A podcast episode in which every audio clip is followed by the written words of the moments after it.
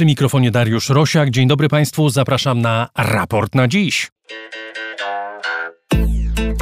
10 osób, w tym troje dzieci zabitych rosyjską bombą wystrzeloną na restaurację w Kramatorsku. To najtragiczniejszy rosyjski atak na obiekt cywilny od kwietnia. Ukraińska kontrofensywa posuwa się wolno i nieregularnie. Może oczekiwania Zachodu były zbyt optymistyczne. Prigorzyn na Białorusi, a jego żołnierze mają wybór albo wstąpienie do regularnej armii rosyjskiej, albo wyjazd na Białoruś. Tak oficjalnie wygląda sytuacja po puczu grupy Wagnera, ale czy jego prawdziwym skutkiem będzie koniec władzy Putina? O tym w raporcie na dziś 28 czerwca 2023 roku. Raport na dziś to środowy raport o stanie świata, program finansowany z dobrowolnych wpłat patronów. Za wszystkie, niezależnie od ich wysokości, z serca Państwu dziękuję, a jeśli ktoś miałby ochotę dołączyć do grona patronów raportu, zapraszam na mój profil w serwisie patronite.pl. Za jego pośrednictwem najłatwiej wesprzeć raport. To jest ostatnie przed wakacjami wydanie raportu na dziś. Od przyszłej środy wznawiamy sezon nieogórkowy, szczegóły pod koniec audycji. Adrian Bąk i Chris Wawrzak w reżyserce Studia Efektura. Zaczynamy.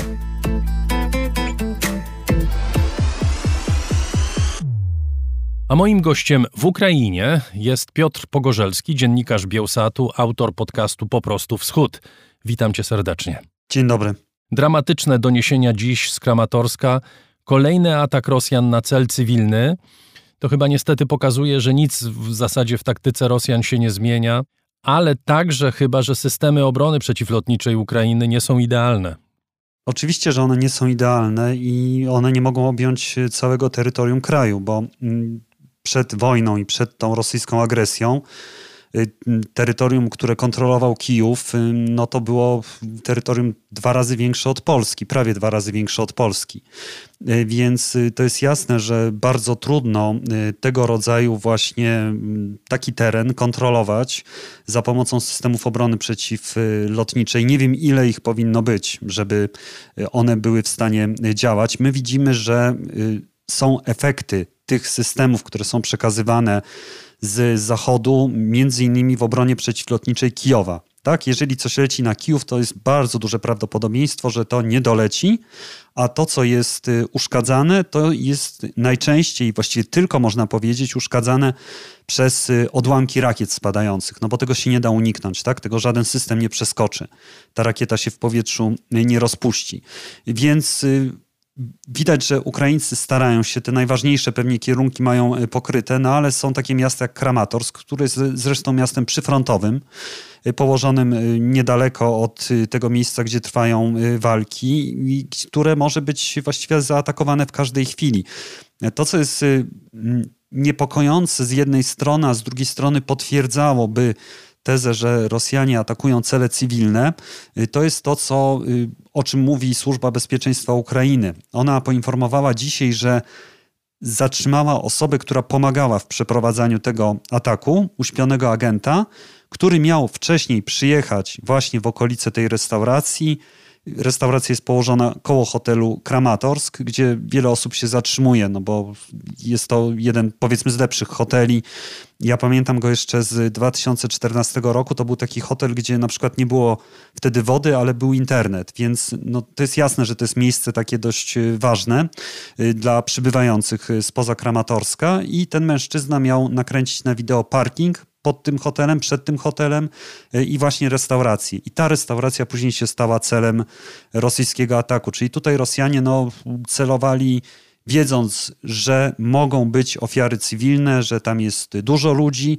No i oczywiście także przypuszczam, że chodziło o tych przybywających w hotelu Kramatorsk. Być może tam tak, także zatrzymują się wojskowi czy przedstawiciele ukraińskich władz, y, więc no, to był chyba naturalny cel dla Rosjan. A ofiary cywilne, które są przy okazji, po prostu mało Rosjan obchodzą. Wspomniałeś o tych osobach, które przybywają do Kramatorska. No tutaj mamy też y, wielu dziennikarzy. Wiadomo o, o trzech Kolumbijczykach, którzy ucierpieli w trakcie tego ataku. I wspomniałeś o kilku argumentach, e, które prawdopodobnie Rosjanie wykorzystują do tego, żeby atakować tego typu obiekty. Czy Twoim zdaniem fakt, że ten atak tak okrutny, tak dramatyczny, w którym giną dzieci ukraińskie, następuje kilka dni po tym puczu czy rokoszu w Rosji, ma jakiekolwiek znaczenie?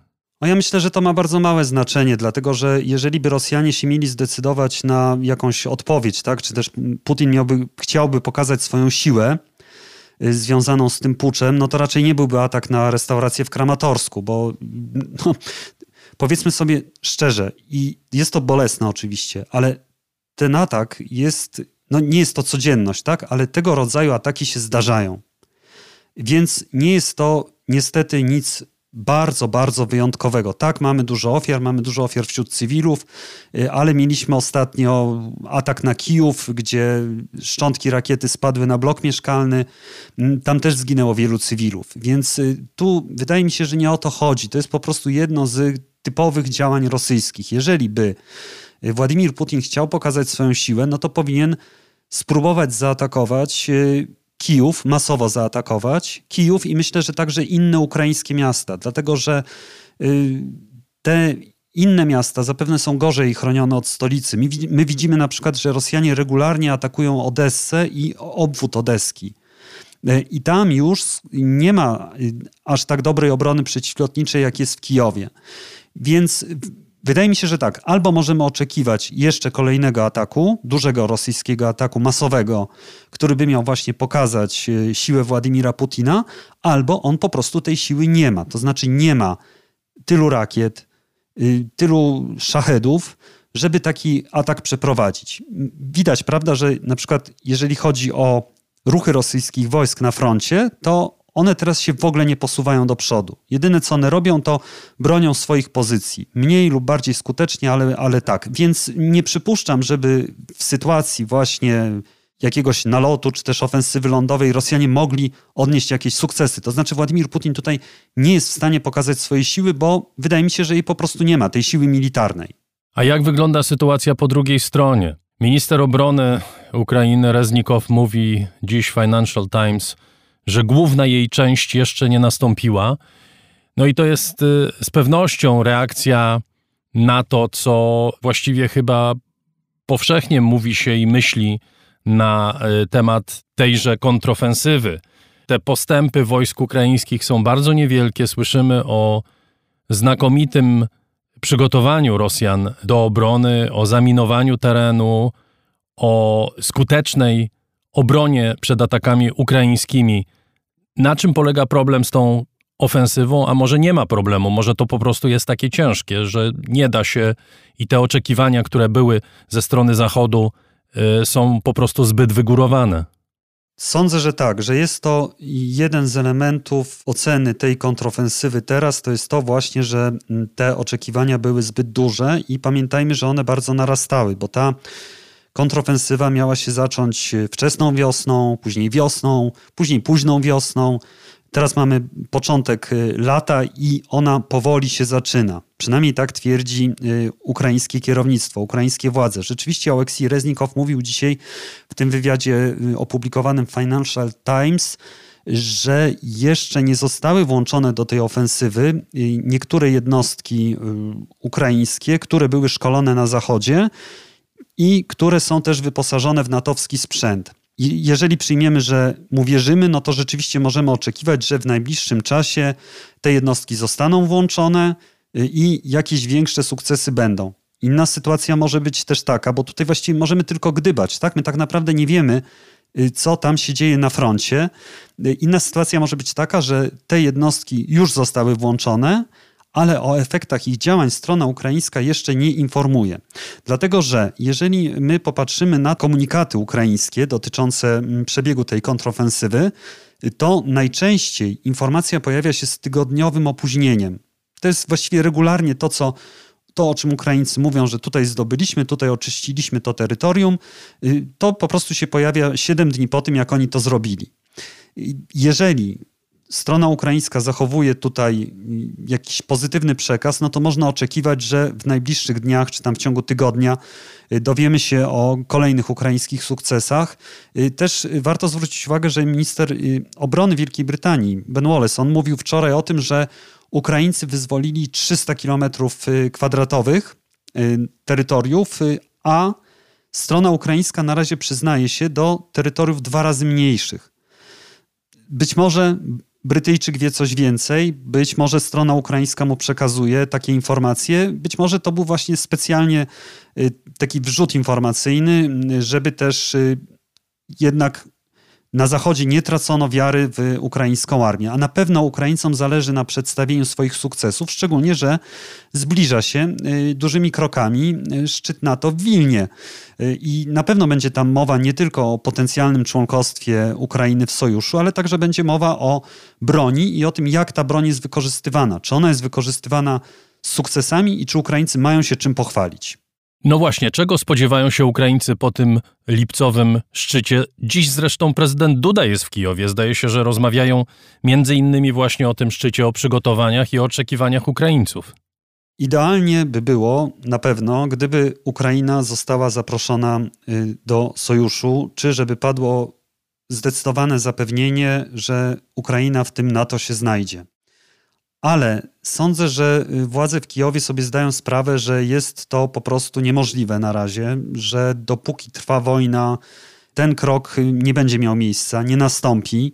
Mówienie o dawaniu Ukrainie jakiejś gwarancji bezpieczeństwa, no tutaj raczej budzi śmiech, dlatego że pamiętajmy, że to memorandum budapesztańskie, które gwarantowało Ukrainie bezpieczeństwo w zamian za pozbycie się broni jądrowej, było też podpisane przez Rosję i ono żadnego bezpieczeństwa po prostu Ukrainie nie zagwarantowało. Więc sądzę, że tutaj e, Ukraińcy oczekiwaliby bardziej konkretnych decyzji. Na pewno powiedzmy taką decyzją na pocieszenie byłoby to, gdyby Ukraina otrzymała jakąś broń czy zapewnienie o na przykład konkretne już zapewnienie dotyczące myśliwców F-16. Tak, to by było coś, co by tutaj też y, no, zostało dobrze na pewno przyjęte przez y, społeczeństwo.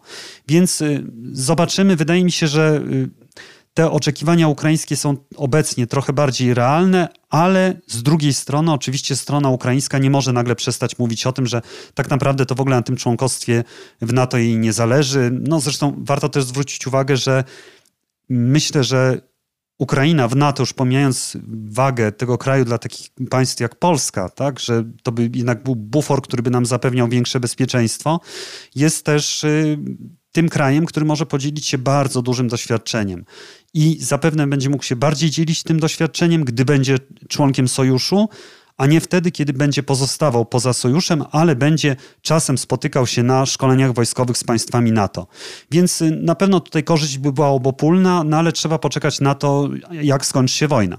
Oczywiście to jest też chyba moment, kiedy Zełęńskiemu potrzebny jest jakiś gest, symboliczny gest polityczny, który wzmacnia jego pozycję, bo co byśmy nie mówili, wojna przeciąga się, wchodzimy w ten etap jednak zmęczenia wojną, zmęczenia ciągłymi doniesieniami. Ty wspomniałeś o tym, że takie zamachy jak w Kramatorsku na nikim specjalnego wrażenia nie robią, ponieważ wszyscy się do nich przyzwyczaili, włącznie z Ukraińcami. I oczywiście, że dla ofiar to jest dramat i dla wszystkich to jest dramat. Natomiast gest, który jasno by sygnalizował jakiś zwrot, jakiś moment kluczowy, który następuje, to byłoby coś, czego zapewne Załęski potrzebuje w tej chwili trudno się z tym nie zgodzić, tak? Na pewno on takiego gestu potrzebuje, y, ale z drugiej strony ja bym nie powiedział, że jest coś takiego jak zmęczenie y, wojną. To znaczy, no wiadomo, że. Na Zachodzie jest z pewnością. Wydaje mi się, że, że wchodzimy w taki etap, kiedy po prostu to jest trochę tak jak z wojną w Bośni, którą pamiętamy sprzed 30 lat że jakichkolwiek masakr by nie dokonywano, jakichkolwiek rzezi, to po jakimś czasie ludzie przestają o tym czytać, przestają się tym interesować, bo to po prostu staje się zbyt męczące. Dla nas jeszcze w Polsce może nie do końca, natomiast czym dalej od tej zachodniej granicy Ukrainy, tym gorzej. Tak, ale ja rozumiem, że Twoje pytanie dotyczyło tego, że ten gest by się przydał Zeleńskiemu na arenie tutaj wewnętrznej, ukraińskiej. Tak, to też. Więc jeżeli chodzi o tę arenę ukraińską wewnętrzną, no to oczywiście to by było bardzo przydatne, to by było ważne dla społeczeństwa. To społeczeństwo na pewno by y, odczytało to pozytywnie, choć trzeba powiedzieć, że na razie w ogóle państwa Zachodu, na razie i to wydaje mi się, że to na razie będzie jeszcze bardzo długo trwało, y, państwa Zachodu są pozytywnie postrzegane, chociażby ze względu na to wsparcie wojskowe, wsparcie w postaci właśnie sprzętu wojskowego, szkoleń, wsparcie dla żołnierzy, którzy potrzebują rehabilitacji, y, że to jakby buduje dobry obraz Zachodu i tutaj nie ma takiego wrażenia, że Zachód nas zostawił. To znaczy myślę, że to wytłumaczenie na przykład na to, że kraj, który jest w trakcie wojny z Rosją nie może dołączyć do sojuszu y, jest zrozumiałe, ale rzeczywiście przydałby się jakiś gest. Z drugiej strony y, ja myślę, że to jest trochę tak, że ta wojna jest y, tutaj przyjmowana tak jak taka choroba, która właściwie trwa, trwa, trwa długo i trzeba się nauczyć z nią żyć. Tak? Trzeba chodzić na pewne zabiegi, procedury, one są bolesne, ale no niestety trzeba jakoś funkcjonować. To znaczy ten tył, yy, tak zwany, czyli te tereny, gdzie nie ma wojny, gdzie nie ma dużych ostrzałów. Znaczy, oczywiście zdarzają się y, przylatujące rakiety, ale nie tak jak w Kijowie, czyli mówię tutaj głównie o zachodniej Ukrainie. Y, on przechodzi powoli na y, tryby takiego codziennego, normalnego funkcjonowania w warunkach wojny.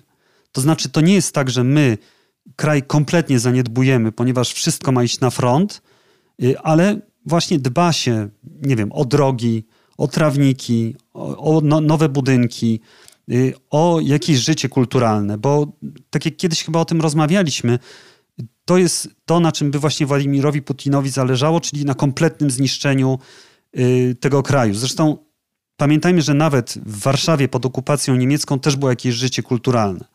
Więc y, to jest też moim zdaniem istotne, to znaczy w pewnym stopniu Ukraińcy przyzwyczaili się, choć jest to rzeczywiście bardzo, bardzo, bardzo bolesne i no, ta wojna jest cały czas obecna, tak? Nawet jeżeli nie latają rakiety, to z zachodniej Ukrainy, czyli tu, gdzie ja teraz jestem, bardzo dużo ludzi jeździ na front pomagać jako wolontariusze, ale też jeżdżą jako żołnierze. I nie wszyscy wracają. Są pogrzeby, są ich zdjęcia, są wdowy na ulicach i to widać. Tak, tego wcześniej nie było. Czyli wojna jest obecna, bolesna, ale no musimy z tym żyć, bo jeżeli nie będziemy z tym żyć, to po prostu się poddamy. Jak Ukraińcy odbierają rokosz Prygorzyna? Muszę powiedzieć, że ta sobota to był taki dzień, kiedy było bardzo dużo nadziei tutaj. Była nadzieja na to, że rzeczywiście ta władza rosyjska, władza Władimira Putina się sypie, że zbliżamy się do zakończenia wojny. Właśnie paradoksalnie dzięki y, Prigorzynowi. To był taki, powiedzmy, nastrój ulicy. Nastrój części wojskowych był taki, że y, no nie można tutaj mówić pozytywnie o Prigorzynie, niezależnie od tego, co by on nie robił, ponieważ no jest to odpowiedzialna osoba za katowanie ukraińskich jeńców, za śmierć ukraińskich wojskowych, zapewne także cywilów. Więc y, no to, było, to było oczywiście w ten sposób także postrzegane. Takie uwagi się pojawiły, ale jeżeli chodzi o taką, no później oczywiście był dość duży zawód, że ten marsz się tak szybko skończył. Niemniej jednak to, co słyszeliśmy od analityków czy polityków ukraińskich, to było jednak stwierdzenie, że ta władza Władimira Putina bardzo słabła. Ona już nie jest taka mocna, jak była. Pokazały się pewne szczeliny, y, pewne pęknięcia, dość duże pęknięcia, i to na pewno jest z korzyścią dla Ukrainy, to znaczy Ukraina to może wykorzystać. Co do ewentualnego przemieszczenia się najemników Wagnera mm, do Białorusi, no to tutaj jednak jest przekonanie, że ta linia obrony północna jest dobrze zabezpieczona i jeżeli oni 8 czy 9 miesięcy zdobywali Bachmut, no to ich marsz na Kijów wydaje się po prostu no, nieprawdopodobny. W BBC dzisiaj niezwykle ciekawa relacja oparta e, właśnie na wywiadach z Oleksijem Daniłowem, Michałem Podoliakiem, innymi znaczącymi osobami w administracji prezydenta Zełęńskiego i oni generalnie twierdzą, że dni Putina są policzone.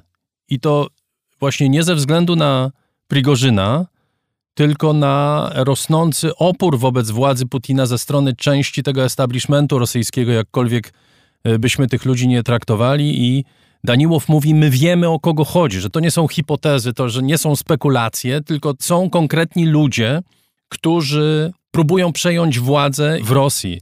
Ja rozumiem, że to jest teza w miarę popularna w tych elitach ukraińskich w tej chwili, tak? Nie wiem, szczerze mówiąc, ciężko mi powiedzieć. Wydaje mi się, że jest to pewne takie y, pocieszanie siebie i chęć widzenia tych pozytywów tam, gdzie one może nie zawsze są. Y, jeżeli chodzi o potencjalną zmianę w Rosji, we władzach Rosji, to my nie możemy powiedzieć, że Prigorzyn czy osoby, którzy, które jemu jakoś tam sekundują, które jemu sprzyjają.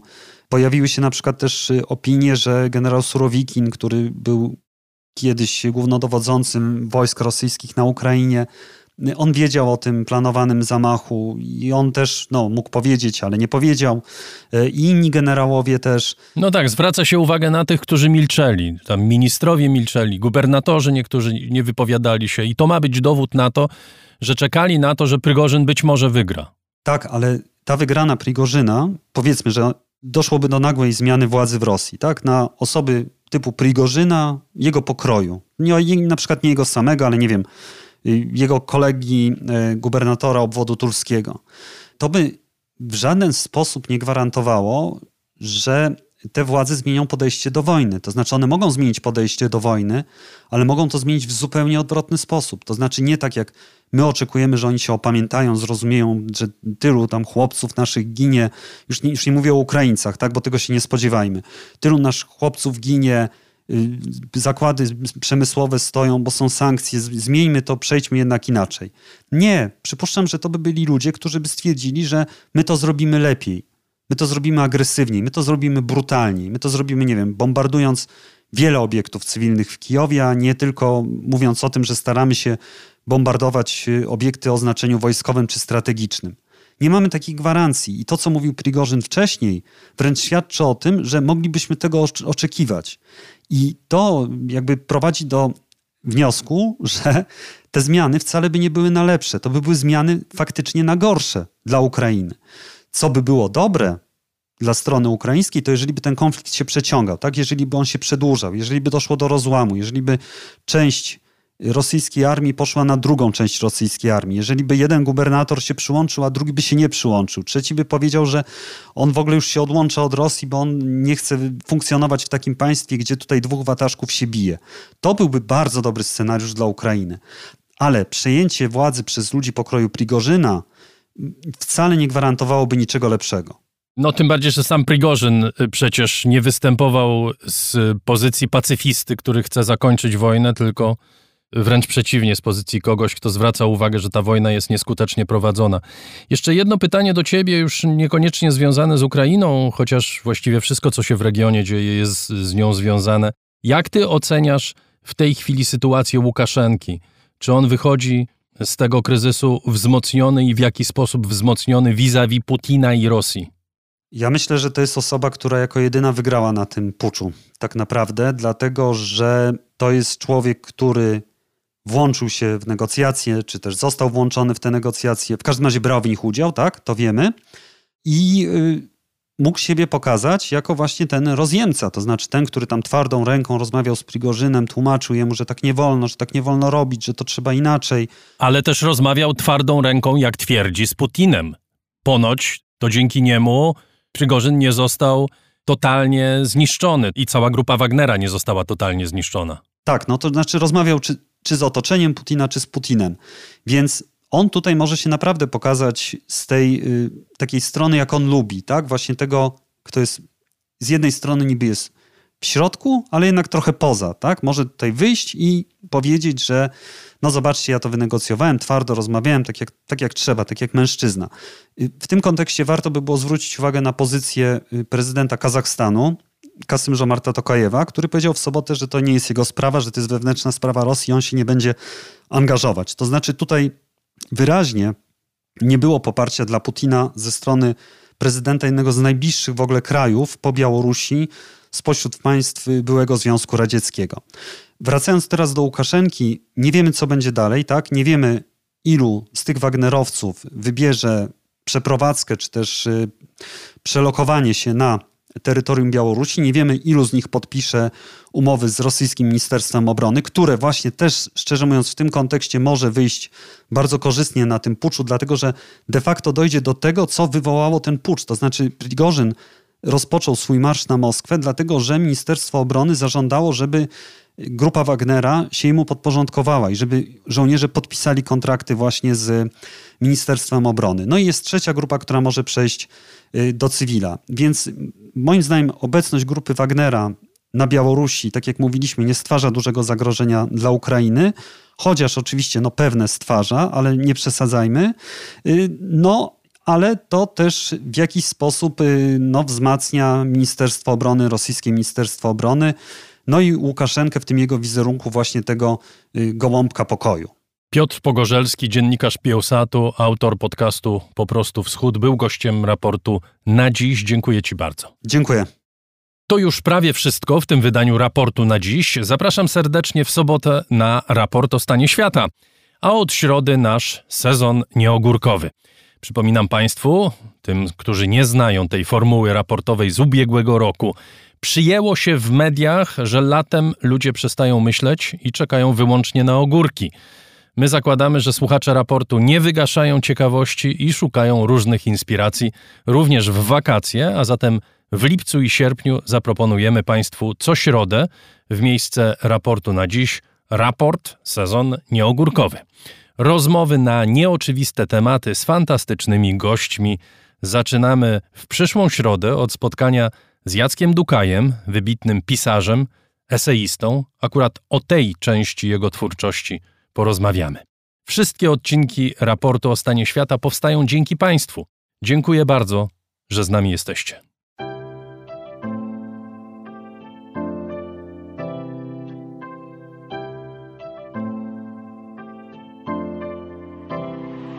Raport o stanie świata od marca 2020 roku rozwija się dzięki Państwa zaangażowaniu i szczodrości. To dzięki Wam możemy opowiadać o świecie przy pomocy dźwięków. Dzięki Wam ten program jest przygotowywany w profesjonalny sposób z zachowaniem najwyższej jakości, bo na nią właśnie zasługują słuchacze raportu o stanie świata. Z serca dziękuję wszystkim Państwu za wpłaty. Wasza hojność jest dla mnie ogromnym zobowiązaniem. Zbiórka na patronite.pl ciągle trwa, zachęcam do udziału. Najhojniejsi patroni raportu o stanie świata to firma Ampio Smart Home, Aureus, leasing, kredyt, ubezpieczenia, księgowość. Sprawdź nas na www.aureus.pl. Hotel Bania Termal Iski w Białce Tatrzańskiej, oferujący pakiety pobytowe z termami w cenie. Mikosz Barczewski 2005 Global. Firma doradcza Crido. Galmet Polskie pompy ciepła.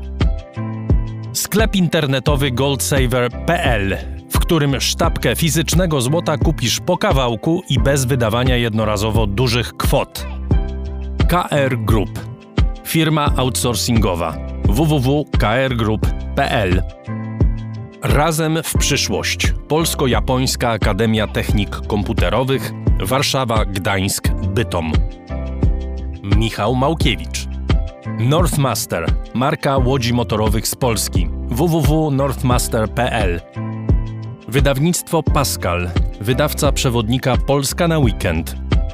Firma Software Mill, od zawsze zdalni programują dla całego świata. Dom wydawniczy Muza, bo świat nie jest nam obojętny. Pure Play, transparentna agencja mediowa digital i doradca w budowaniu kompetencji in-house. Uber, myślimy globalnie, działamy lokalnie. Agnieszka i Sławek Zawadzcy. A także Budros pompy ciepła. Gruntowe pompy ciepła dla budynków przemysłowych i wielorodzinnych. Kompleksowa obsługa. Liceum Błeńskiej Gdańsk-Kowale. Przemyślana edukacja w dobrym miejscu. Piotr Bochnia. Michał Bojko. CIO Net and Digital Excellence. Łączymy ludzi i idee. Grupa brokerska CRB. Ubezpieczenie należności dla Twojej firmy.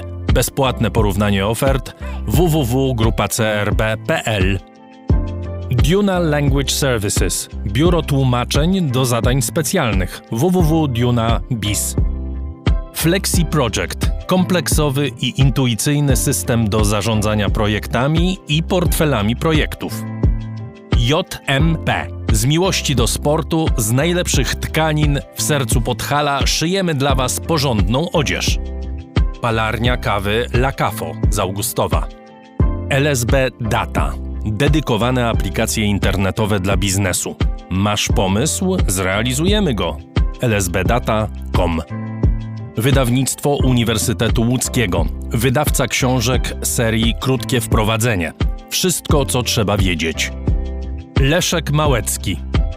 Aplikacja Moja Gazetka. Polska proekologiczna aplikacja zakupowa z gazetkami promocyjnymi i nie tylko. Moja Gazetka. Kupuj mądrze. Firma Prosper z Sosnowca, hurtownia elektroenergetyczna i właściciel marki Czystuś. Firma ODO24.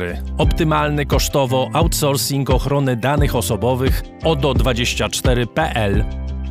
Tatrzański Festiwal Biegowy Tatra Sky Marathon. 22 lipca biegamy w sercu Tatry i gminy Kościelisko. Tixto.pl Niezależny serwis biletowy. Sprzedamy bilety na Twoje wydarzenia kulturalne i sportowe. Drukarnia cyfrowa totem.com.pl Dla nas książka zasługuje na najwyższą jakość. Fundacja Wasowskich, opiekująca się spuścizną Jerzego Wasowskiego i wydawca książek Grzegorza Wasowskiego. Szczegóły na wasowscy.com. Michał Wierzbowski.